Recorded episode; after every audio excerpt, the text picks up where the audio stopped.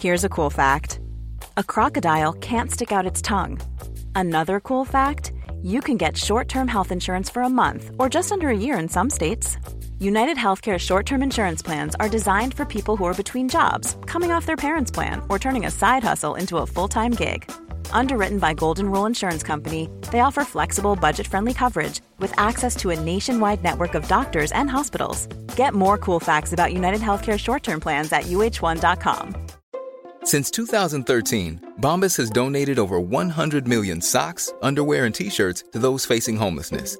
If we counted those on air, this ad would last over 1,157 days. But if we counted the time it takes to make a donation possible, it would take just a few clicks. Because every time you make a purchase, Bombas donates an item to someone who needs it. Go to bombas.com slash ACAST and use code ACAST for 20% off your first purchase. That's bombas.com slash ACAST, code ACAST. Hi, I'm Daniel, founder of Pretty Litter. Did you know cats tend to hide symptoms of sickness and pain? I learned this the hard way after losing my cat, Gingy. So I created Pretty Litter, a health monitoring litter that helps detect early signs of illness by changing colors, saving you money and potentially your cat's life. Pretty Litter is veterinarian developed, and it's the easiest way to keep tabs on your fur baby's health right at home. Go to prettylitter.com and use code ACAST for 20% off your first order and a free cat toy. Terms and conditions apply. See site for details. Leka affär, tjata om godis i matbutiken och proppa önskelistan full med dyra julklappar. Allt det här är ekonomi för barn, likväl som den där efterlängtade veckopengen. Men hur påverkas egentligen barn av pengar och hur lär man ut ett sunt förhållningssätt? Precis det ska dagens avsnitt handla om. Välkommen till Smarta Cash, podden som guidar dig till en bättre ekonomi och en rikare framtid med mig Isabella Amadi.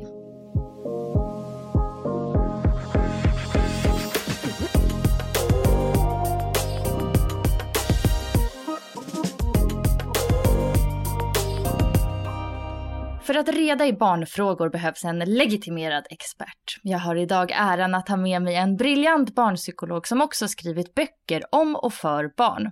Välkommen hit Rehana Angaran. Tack så mycket. Tack. Du jobbar alltså som psykolog för barn och unga. Vad, mm. vad gör du? Ehm, jag jobbar som skolpsykolog sedan två och ett halvt år tillbaka. Och innan dess så har jag jobbat inom barn och ungdomspsykiatrin i drygt tio år. Ehm, så att hela mitt yrkesliv så har jag alltid jobbat med inriktning mot barn och unga och eh, familjer. Ehm, och sen så har jag skrivit två böcker också som riktar sig till, till barn. Känsloboken som kom ut här augusti 2020 och Allt som händer inuti som kom ut 2019 som handlar om mående och tankar och känslor för barn i lite olika åldrar. Spännande och det är ju det vi ska prata mer om idag, hur barn mår och tänker och hur man som förälder kan eh, hantera allt som händer i de små kropparna.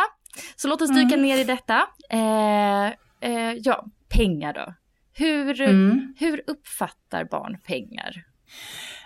Um, ja, alltså det är ju jag kommer ju komma med sådana här typiska psykologsvar å ena sidan och andra sidan.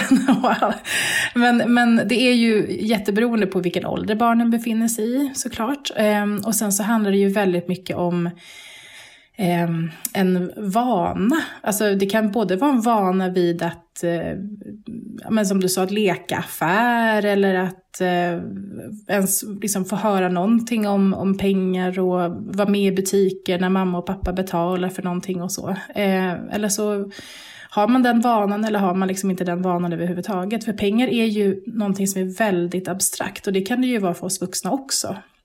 Och jag tänker särskilt nu för tiden när vi har övergått så mycket också till kortbetalningar och swish och, och så, att, att det, när man inte ens har de här fysiska pengarna riktigt eh, som man använder sig av i affären. Eh, så det är ju någonting som man har en uppfattning om att det är någonting som är lite viktigt. Man kan läsa barnböcker om fattiga familjer och liksom det kan bli sådana eh, sån input och så också. Men att, att det är Ja, men det är väldigt abstrakt och väldigt svårt för många barn att förstå.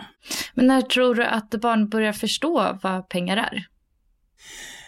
Um, jag tänker att barn förstår nog från att de är ganska små, alltså ska jag säga förskoleåldern, liksom att, att pengar ändå är någonting som man ger ett utbyte på något sätt. Att, ja, men, Um, det står för någonting annat, det har ett visst typ av värde. Sen vad det har för exakt värde, det är ju en ganska eh, avancerad grej. Eh, och där tänker jag att det handlar jättemycket om hjärnutvecklingen bara. Så att liksom hur, hur kan vi ens tänka om saker och ting. Eh, men att, att i förskoleåldern så, så börjar man ju ändå förstå att ja, men det handlar om någon slags utbyte.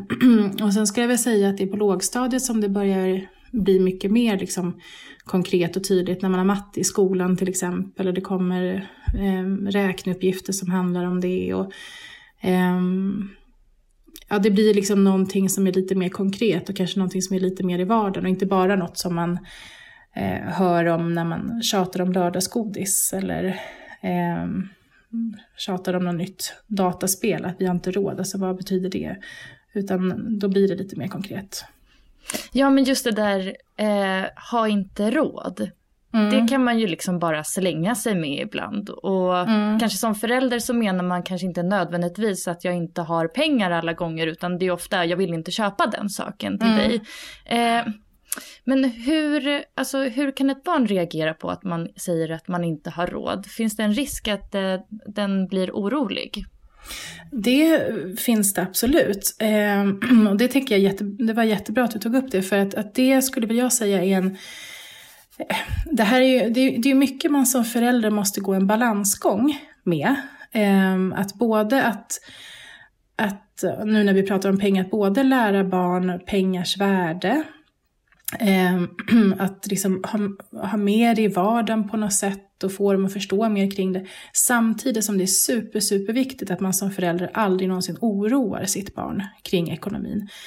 Det är möjligt att det är hur kämpigt som helst och att man faktiskt lever på existensminimum. Men där måste man ändå hitta något sätt att, att förklara sig på utan att barnet ska känna ett ansvar för ekonomin i familjen eller gå omkring och oroa sig för att, att de, man kommer bli hemlös eller något sånt där. För det är väldigt lätt för barn som inte förstår allting och som inte heller har all information att, att skapa sig väldigt mycket fantasier. Så.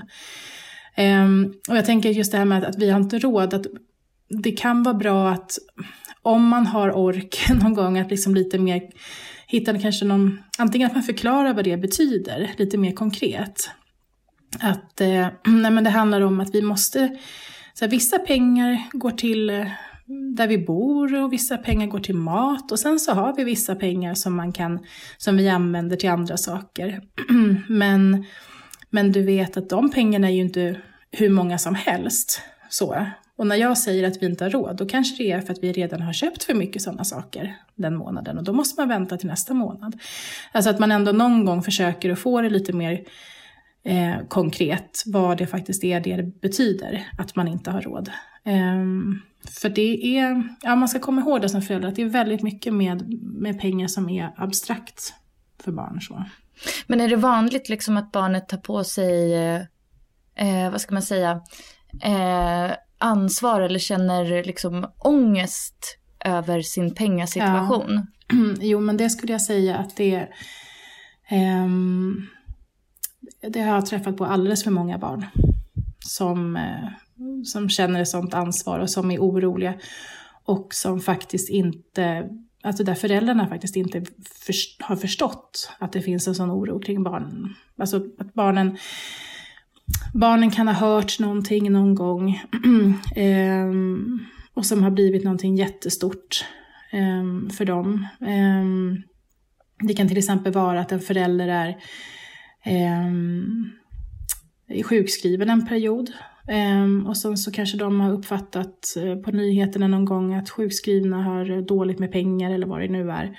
Och så kan det trigga igång jättemycket fantasier om att nu kommer vi inte ha några pengar alls snart. Och, um, och att det händer jätteofta att barn liksom tar ett, ett ansvar på det sättet att de inte säger vad de skulle behöva eller att de kanske inte påminner sina föräldrar om att de ska ha frukt med sig varje dag till skolan. Ehm, för att de tänker att men där kanske vi kan, kanske kan spara in lite pengar på det området och så. Så att det, ehm, barn känner väldigt mycket ansvar ofta. Och ehm, det gäller verkligen att man försöker att ja, ja, men se upp lite med det där. Så. Och att man som förälder vågar fråga också om man märker att det liksom är någonting som eh, barnet verkar vara lite bekymrat för. Mm. Hjärtan. Mm, verkligen. Eh, men det ser ju också väldigt olika ut i olika familjer hur mycket pengar man har. Alltså bara i ens egen trappuppgång om man bor i lägenhet så kan det ju vara liksom inkomster från, ja, säg existensminimum upp till eh, ja, hur mycket som helst egentligen. Mm. Eh, hur ska man prata med sitt barn om att alla har olika förutsättningar och olika mycket pengar? Där tänker jag att, att man ehm, Precis som att man pratar om att människor är olika överhuvudtaget. Jag tänker man har ju väldigt mycket gratis i när man till exempel läser böcker för sitt barn. Det är ju en sån här fantastisk eh, eh, ingångsgrej för att prata om att människor är olika som personer och kommer från olika länder och eh, har olika typer av känslor. Och även i barnböcker så finns det ju väldigt mycket liksom om eh, fattiga och rika eller um, om barnbidrag, vad innebär det? Eller att um, man, vissa har råd att köpa fina klänningar och andra har inte det och så. Att man liksom ser till att precis som att man pratar om, om de här berättelserna med sitt barn som att man pratar om eh, ja men varför gjorde Pippi sådär? så, så kan man också prata om så att, ja men vad, vad tror du att det betyder att Pippi har alla de där guldmynten liksom? Att eh, hur kommer det sig? Och Tommy och Annika, de har ju inte guldmynt på samma sätt. Och, att det, det, jag tycker att det ger väldigt mycket gratis när man utgår från sådana där berättelser som barnen ändå känner igen. Um, och att man kanske inte ska komplicera det så mycket heller, utan att precis som att vi människor, vi, vi är olika. Um, och ehm, det här med pengar kan man ju verkligen ibland få väldigt så här rättframma frågor om att, ja men varför får den där personen så mycket pengar för sitt jobb medan min mamma som gör det här, som känns mycket viktigare för ett barn, eller mer konkret för ett barn, hon får inte alls lika mycket pengar. Ja, det, det kan bli väldigt intressanta diskussioner. Mm. Ja, och svårt att svara på även fast man är vuxen också. Otroligt! och att man faktiskt kanske inte alltid kan komma fram till ett svar. Utan att det, att det får bli så här, ja vad tänker du? Och ja, men mer se det som en, en diskussion. Liksom. Mm. Vid vilken ålder börjar barnen mogna då, så att de kan börja ta ett lite större ekonomiskt ansvar? Typ spara in till ett större inköp själv eller kanske, ja vad skulle det kunna vara? Man, man vill köpa liksom en dyr leksak eller man vill mm. få ett bankkort. När inträder liksom en viss ansvarstagande nivå? Mm. Det är ju väldigt olika från barn till barn. Jag tänker vissa barn kan ju ha ett väldigt stort intresse också av att ja, men nästan göra en budget eller spara. De tycker om att planera och de tycker om att skriva upp på en lista hur mycket de har sparat, hur mycket det är kvar och sådär. Men samtidigt så ska man ju komma ihåg att, att barn har ju inte särskilt bra långsiktigt tänkande.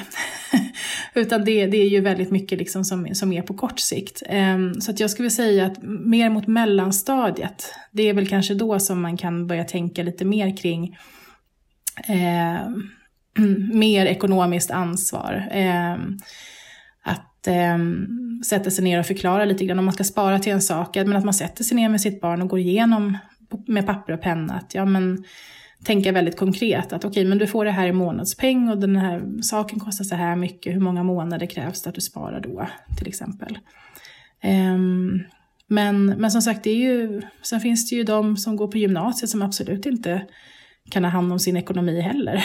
Det, så att det är ju väldigt olika. Men jag kanske skulle säga, ja, mellanstadieåldern på ett ungefär liksom. Ja, en, eh, en av föräldrars favoritämnen är ju också veckopeng eller månadspeng. Ja. Ja. Eh, hur ska man tänka med veckopengen? Alltså jag tänker ju att veckopeng är ju oftast eh, bra för yngre barn. Just det här kortsiktiga, att man, eh, en månadspeng blir väldigt liksom abstrakt och konstigt och så. Men jag kan tycka också att veckopeng kan vara ganska bra för äldre barn också, som inte riktigt eh, kanske har väl utvecklat sitt tankesätt kring, kring pengar och pengars värde så mycket också. Att det blir liksom konkret och snabbt inpå. Eh, jag tycker att det alltid finns en poäng att man på något sätt förstår Mm. att man lär sig förstå pengars värde från det att man är liten. Och att det kan vara att, att um, att man ska hjälpa till med någonting litet hemma som en förutsättning för lite grann som att förklara det här med jobb och lön och, och sånt också. um, och det är ju många föräldrar som kan säga till mig så att ja, men jag vill ju att mitt barn ska vilja hjälpa till för att de ska hjälpa till.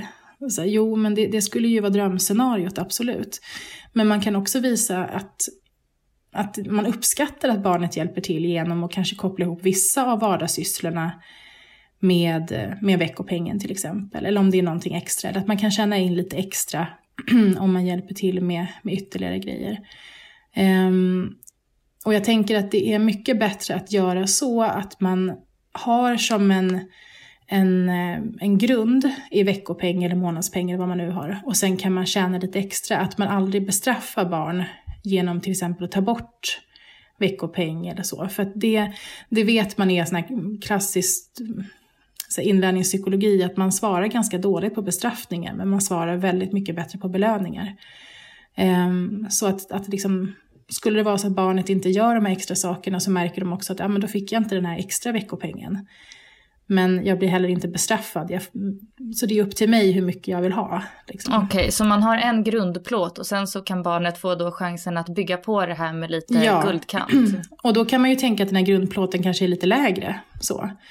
Um, men att, att jag, jag tänker att det, det blir liksom Ja, men det blir trevligare diskussioner, det blir trevligare stämning. För det är inte kul att liksom hålla på och, och hota och bestraffa och säga nej men nu bäddar du inte sängen så nu, nu drar jag bort de här 20 kronorna på din veckopeng.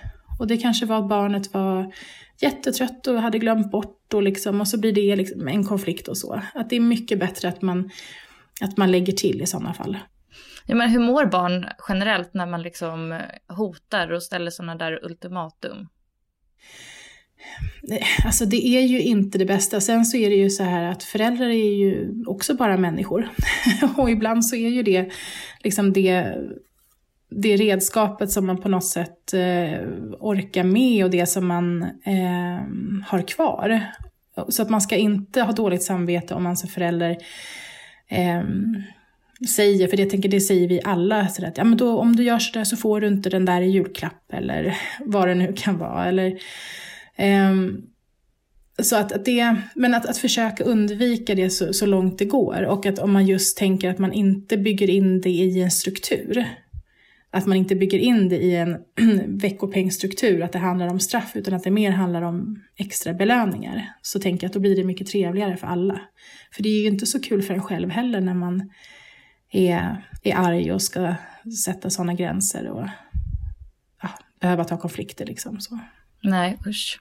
Men vilken, i vilken ålder är det bra att introducera veckopengen? Eh, ja, men jag skulle nog säga kanske från eh, 6-7 års åldern så. och då kan det ju vara att, att eh, jag tänker att det alltid är bra att man pratar igenom med barnet om vad veckopengen liksom ska handla om. Att vissa barn har ju att de får köpa sitt lördagsgodis för sin veckopeng. Så. Att man börjar med någonting liksom litet och väldigt konkret. Att det är det här som du har ansvar för. Eh, också ett väldigt bra sätt liksom att lära sig vad pengars, pengars värde är. Att man, eh, hur många kan jag köpa en hel chokladkaka eller är det några tuggummi? Ja, men vad, vad vill jag ha liksom? Eller sparar jag den här veckan och så kan jag köpa supermycket nästa vecka. Kanske inte jättebra, men, men, eh, men, men jag tänker att man börjar litet och, och att det verkligen går till en konkret sak och sen så kan man bygga på det där med, med åldern. Så. Veckopeng är ju sånt där som barn brukar tendera att jämföra med varandra. Eh, ska man liksom som förälder då anpassa sig till de andra även om man tycker att det är för lågt eller för hög veckopeng eller hur ska man hantera själva jämförelsebiten? Nej, men jag tycker att man ska köra på det som är bekvämt för en själv och för ens familj. För jag tänker att det är ju det att alla vi har ju olika ekonomiska förutsättningar och sen så är det ju också väldigt olika vad eh, ja, men vad barnen ska använda sin veckopeng eller månadspeng till. Jag tänker att vissa äldre tonåringar får hela sitt barnbidrag, men då är det det de får. Sen får de inte särskilt mycket mer. Medan eh, andra tonåringar inte får barnbidraget, utan får en betydligt mindre summa. Men sen vet de att skulle de behöva eh, en ny tröja eller det blir någon extra utgift med någonting så, så hjälper föräldrarna till där. Så jag tänker det beror ju väldigt mycket på vad som känns smidigast för en som familj. Och att det är också så man kan förklara för sitt barn. För det, jag tänker att det blir ju jämförelser med allt. Eh, inte bara med pengar, utan det handlar ju om att eh, kläder och dataspelstid och när man ska gå och lägga sig och sånt. Och där, det är ju verkligen att, att man får förklara att men det, vi har olika regler i olika familjer och, och så är det. Det behöver inte vara orättvist, det kan ju bara vara att det är olika.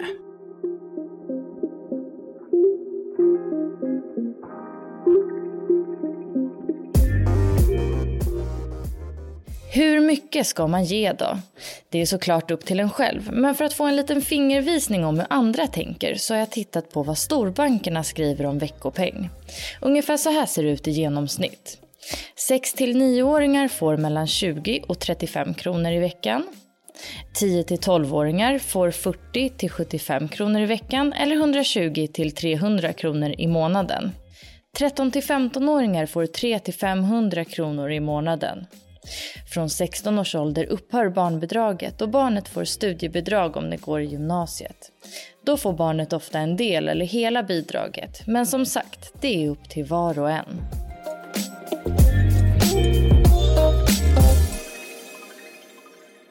Och eh, 10 000 kronors frågan är väl hur lär man ut ett sunt förhållningssätt till pengar till sina barn? Mm. Eh, det är en jättebra fråga. Men jag tänker att det handlar om att få in det liksom i vardagen, att man leker affär med sitt barn. Att man äh, spelar spel där det finns låtsaspengar. Att man, även om det inte handlar om eh, summor som på något sätt har något avstamp i verkligheten, så att man lär sig det här med med värde och vad saker, att pengar står för någonting annat. Um, och så, ett utbyte och så. Just för att det är ett sånt abstrakt koncept så behöver man göra det mer konkret. Um, och sen så att man, eh, att man förklarar för barn utan att oroa, återigen. att man, man får dem liksom engagerade, man får dem med på tåget och liksom att nej men det här, vi har liksom den här summan med pengar som ska gå till det här och det här. Um, och och ibland är det så i livet att man kan inte få allting som man vill ha med en gång. Ehm, men det betyder inte att vi är fattiga utan att, det, att, att, att du behöver vara orolig. Utan bara så att det här ser, gör vi också för att vi inte ska hamna där till exempel. Ehm, ja, men att, man, att man tar sig tid att förklara för barnen. Eh, och inte säger så här, äh, men det där behöver du inte bry dig om. Eller så. För att det, det kan skapa ehm, både att man faktiskt inte förstår pengars värde men också att man får, eh, kan bli orolig och så. Eh, så att engagera och förklara, att barnen får följa med till affären. Eh, att man hjälper dem med att räkna ut vad veckopengen ska räcka till och vad månadspengen ska räcka till. Och, ehm, ja, men att man har någon slags öppen eh, konversation om det. Så att det blir liksom ett avslappnat förhållningssätt och inte någonting som blir väldigt laddat, för då blir det också väldigt konstigt. Okej, jag har eh, satt ihop några olika scenarion här eh, som jag tänkte att du skulle kunna hjälpa mig att resonera lite i. Mm. Eh, hur man då eh, resonerar med sitt barn i lite olika åldrar. Eh, Okej, scenario ett. Jag har fyra totalt. Yeah. Eh, en fyraåring tjatar om godis, tidningar, pixiböcker, you name it, när man är i mm. matbutiken mm. varje gång. Hur hanterar man det? Ja, eh, för det första så kan man ju se till så att ens fyraåring inte har jättelågt blodsocker när de är med och handlar. Det här med som många matbutiker har nu med att varsågod och ta en banan till ditt barn, det tycker jag är helt fantastiskt och ett väldigt smart trick av Eh, butiksägarna också, att de behåller barnfamiljerna i affären lite längre. Barnen orkar med och föräldrarna orkar med. Ehm, nej men att man ser till att det liksom är, är, bra förutsättningar. Så ibland kan man ju faktiskt tänka att man går och handlar eh, innan man hämtar sitt barn på förskolan. Om det alltid blir väldigt mycket konflikter. nej men att man också kan ju, bara sätta väldigt tydliga regler om att nej men vi köper aldrig i veckorna. Utan om vi köper någonting så är det på lördagar till exempel. och sen att man försöker hålla fast vid det. Um, och det behöver ju verkligen inte betyda att en fyraåring sansar sig snabbt och säger ja, det har du rätt i mamma. Det är ju inte lördag idag. och så slutar de tjafsa, utan det kan mycket väl liksom fortsätta. Men ibland så kan det också då vara bra att man bara inte argumenterar så mycket mer, utan att man bara, det, är, det är onsdag idag. Och så går man liksom därifrån och sen så får barnet skrika och vara ledsen. Och det kanske är jättejobbigt för en själv och för om det är någon sur tant som blänger på en i affären och så. Men, men barn är barn och det, det är inte farligt att vara ledsen och upprörd och, och så, och det går över. Och det händer um, typ alla? Det, verkligen, verkligen. Så att man ska inte känna sig eh, alltför uppstressad av det. Och så, utan ha liksom någon sån regel som man håller på, som man tjatar tillräckligt mycket om, så till slut så landar det hos barnet också. Okej, scenario två. Mm. En 11-åring vill ha ett eget bankkort. Hur eh, ska man resonera kring det? Ska man acceptera det eller?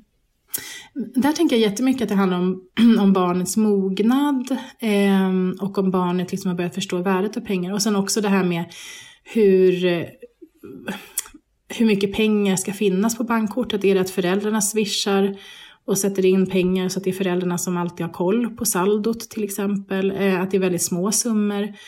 Eh, handlar det om att, man, eh, att det känns väldigt viktigt liksom i, i sin kompisgrupp för att alla andra har och att man vill gå och köpa mellanmål efter skolan eller vad det nu kan vara. Eh, men att, jag tänker att man först har en diskussion med sitt barn och liksom förklarar lite grann att ja, men har barnet checkar av lite, förstår barnet vad det innebär? Och om barnet skulle tappa bort bankkortet, vad gör man då? Att man liksom pratar igenom alla de där grejerna först. Och sen att utifrån liksom barnets mognad och vad man tänker att det är, är barnet behöver köpa, att man som förälder också har väldigt bra koll på, på saldot och vart pengarna går. Och att det också är öppet för barnet. att det är tydligt för barnet att mina föräldrar har liksom stenkoll på det här. Så att man kan inte... Eh, man vet att man eh, inte kan eh, köpa helt galna saker för det man har. Utan man vet att de har koll. Så. Då tar vi scenario tre. Mm. 14-åringen vill ha barnbidraget själv. Eh, kanske ofta den åldern som många brukar börja få det. Men eh, den här tonåringen då förväntar sig ändå att få extra pengar då och då. Hur kan man lära ut ett eh, bra förhållningssätt till den så att den kan hantera sin ekonomi själv då om det mm. är målet? Jag tänker en skriftlig överenskommelse. Um, och det, det, tänker jag med väldigt mycket egentligen. Att, att uh, det behöver inte handla alltid om pengar heller, men att, att man ska inte underskatta värdet i att faktiskt sitta ner ordentligt en stund och prata om Eh, ja, men hur ska vi tänka, vad har, vad har tonåringen för synpunkter? Att säga, ja men mitt barnbidrag eh, ska räcka till de här sakerna. Men jag tycker inte att, det behöver, att jag ska behöva betala för de här grejerna, utan då tycker jag att ni föräldrar ska kunna hjälpa till med det. Ehm, och sen får föräldrarna komma med sina synpunkter, men att man skriver ner det så att man har liksom någonting att hänvisa till. Och sen kan man alltid köra en, en testperiod. Att okej, okay, men vi provar det i tre månader. Och så ser vi liksom lite hur det blev. Och om vi märker att det var så att du behövde be oss om extra pengar hela tiden. Vi vet inte riktigt var de där barnbidragspengarna tog vägen. Men då kanske det faktiskt inte riktigt var läge. då måste vi göra någonting annat och tänka om. Um, så att, att man, ja men både en överenskommelse, att man går igenom noggrant, men sen så också att man, man behöver ju liksom aldrig tänka att, att grejer man bestämmer, det ska liksom gälla för all framtid, utan att se det som en prövoperiod. tonåringen kanske lär sig jätte, jättemycket. Um, och att det är helt okej att tonåringen också gör en massa misstag. För att det kanske är precis så som tonåringen lär sig. Att men herregud, så där kunde jag ju absolut inte göra med mitt barnbidrag. För då hade jag ju ingenting sen efter en vecka. Um, så att, um, Ja, och sen så tänker jag att det såklart beror jättemycket på ens familj och ekonomiska förutsättningar. Jag tänker att det är ju absolut inte aktuellt i alla familjer att tonåringen kan få sitt barnbidrag. Så, utan det behövs verkligen som en ekonomisk säkerhet liksom i, i familjen. Och det ska man inte vara rädd för att säga som förälder heller. Återigen, utan att oroa barnet, men att bara säga så här, nej men i den här familjen så, så behöver vi göra på ett annat sätt.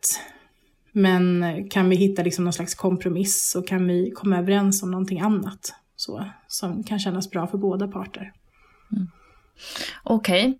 Okay. Eh, och så till sist ett eh, julscenario som jag har slängt ihop här. Eh, och det är barnens önskelistor som mer liknar svindyra kravlistor. Ja. hur kan man prata om vad som hamnar på önskelistan och hur tacklar man sen då en eventuell besvikelse på julafton? Ja, men jag tänker att där kan man ju också, beroende lite grann på barnets ålder, men också verkligen prata om vad är önskan? Vad skulle man verkligen önska sig så? Att vad, om man hade ett trollspö och kunde trolla fram vilken grej som helst, vad skulle man önska sig då? Och att om man då förstår till exempel att ja, men en tv och en, en iPhone, det är ju lite dyrare och sånt, ja, men det kan få stå på önskelistan, men det, det är en sån där äh, önskan som nog inte riktigt kommer gå i uppfyllelse. Vad, vad, finns det för andra saker på listan som är lite, lite mer troliga? Att man, man kan få ha med båda grejerna, men att man redan när man går igenom den där önskelistan med barnen, att man ändå säger så att ja, det här är ju liksom, du vet, det här är ju sånt som mm, mamma och pappa inte köper till sig själva heller. Eller liksom så. Um, så att, att, ja, men att, man, att man går igenom lite grann där. Så att, ja, men av de här grejerna så kan man som förälder visa de här sakerna som är lite mer liksom, eh, ekonomiskt rimliga. Att vad, hur skulle du rangordna dem? Vad skulle du helst av allt vilja få av dem? Så, så att man liksom kan styra in lite på de, på de sakerna också. Mm, lite reality check.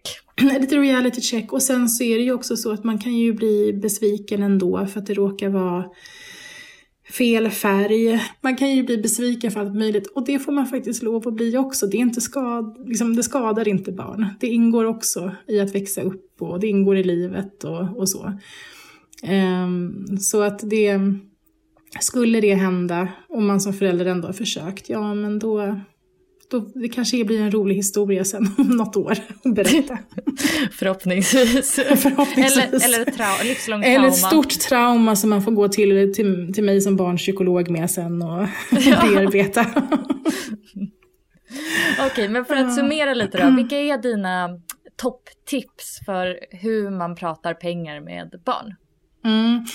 Jag tänker att man ska hjälpa till att, liksom, att leka leka lekar som handlar om pengar, alltså med affärer och sånt där. Att man ska använda sig av, av litteratur och av filmer. Att man liksom pratar lite om det här med, ja men som du var inne på förut, men med det här med att varför vissa familjer har råd och inte andra och så.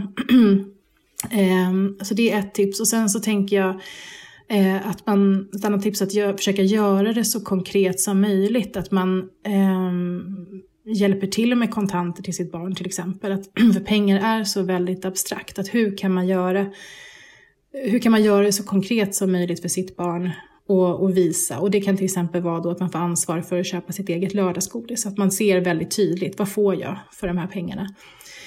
Och sen så för lite äldre barn att man just att man sätter sig ner och pratar, att man gör överenskommelser, att man hjälper till och visar väldigt konkret en en jätteenkel budget eller bara skriver upp hur lång tid kommer det, hur många månadspengar behöver du spara för att nå ditt mål liksom. Um, och att man provar sig fram lite grann och, och um, ja, men ha liksom en, en diskussion tillsammans om funkade det här eller inte. Så. Stort tack för att du eh, ville vara med här i podden och dela med dig av all din kunskap, Rihane. Tack för att jag fick vara med. Om man vill följa dig, vad kan man göra det då?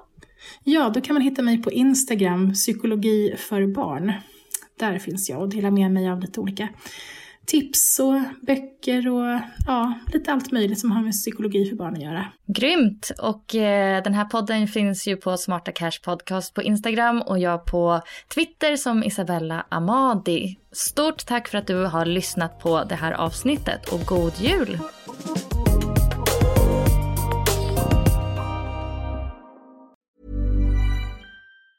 Hey, folks, I'm Mark Marin from the WTF Podcast, and this episode is brought to you by Kleenex Ultra Soft Tissues, your ally to help tackle your allergy symptoms this season. I love the change of seasons, but nobody loves pollen and all those other things floating in the air that make you sneeze during this nice weather. Kleenex Ultra Soft Tissues are hypoallergenic and allergist approved, so fight back against watery eyes and runny noses without worrying about irritating your skin. For this allergy season, grab Kleenex and face allergies head on. Even on a budget, quality is non-negotiable. That's why Quince is the place to score high-end essentials at 50 to 80% less than similar brands. Get your hands on buttery soft cashmere sweaters from just 60 bucks, Italian leather jackets, and so much more. And the best part about Quince, they exclusively partner with factories committed to safe, ethical, and responsible manufacturing. Elevate your style without the elevated price tag with Quince. Go to quince.com slash upgrade for free shipping and 365-day returns. Hey, it's Paige DeSorbo from Giggly Squad. High quality fashion without the price tag. Say hello to Quince. I'm snagging high-end essentials like cozy cashmere sweaters, sleek leather jackets, fine jewelry, and so much more. With Quince being 50 to 80% less than similar brands. And they partner with factories that prioritize safe, ethical, and responsible manufacturing. I love that. Luxury quality within reach. Go to quince.com slash style to get free shipping and 365 day returns on your next order. Quince.com slash style.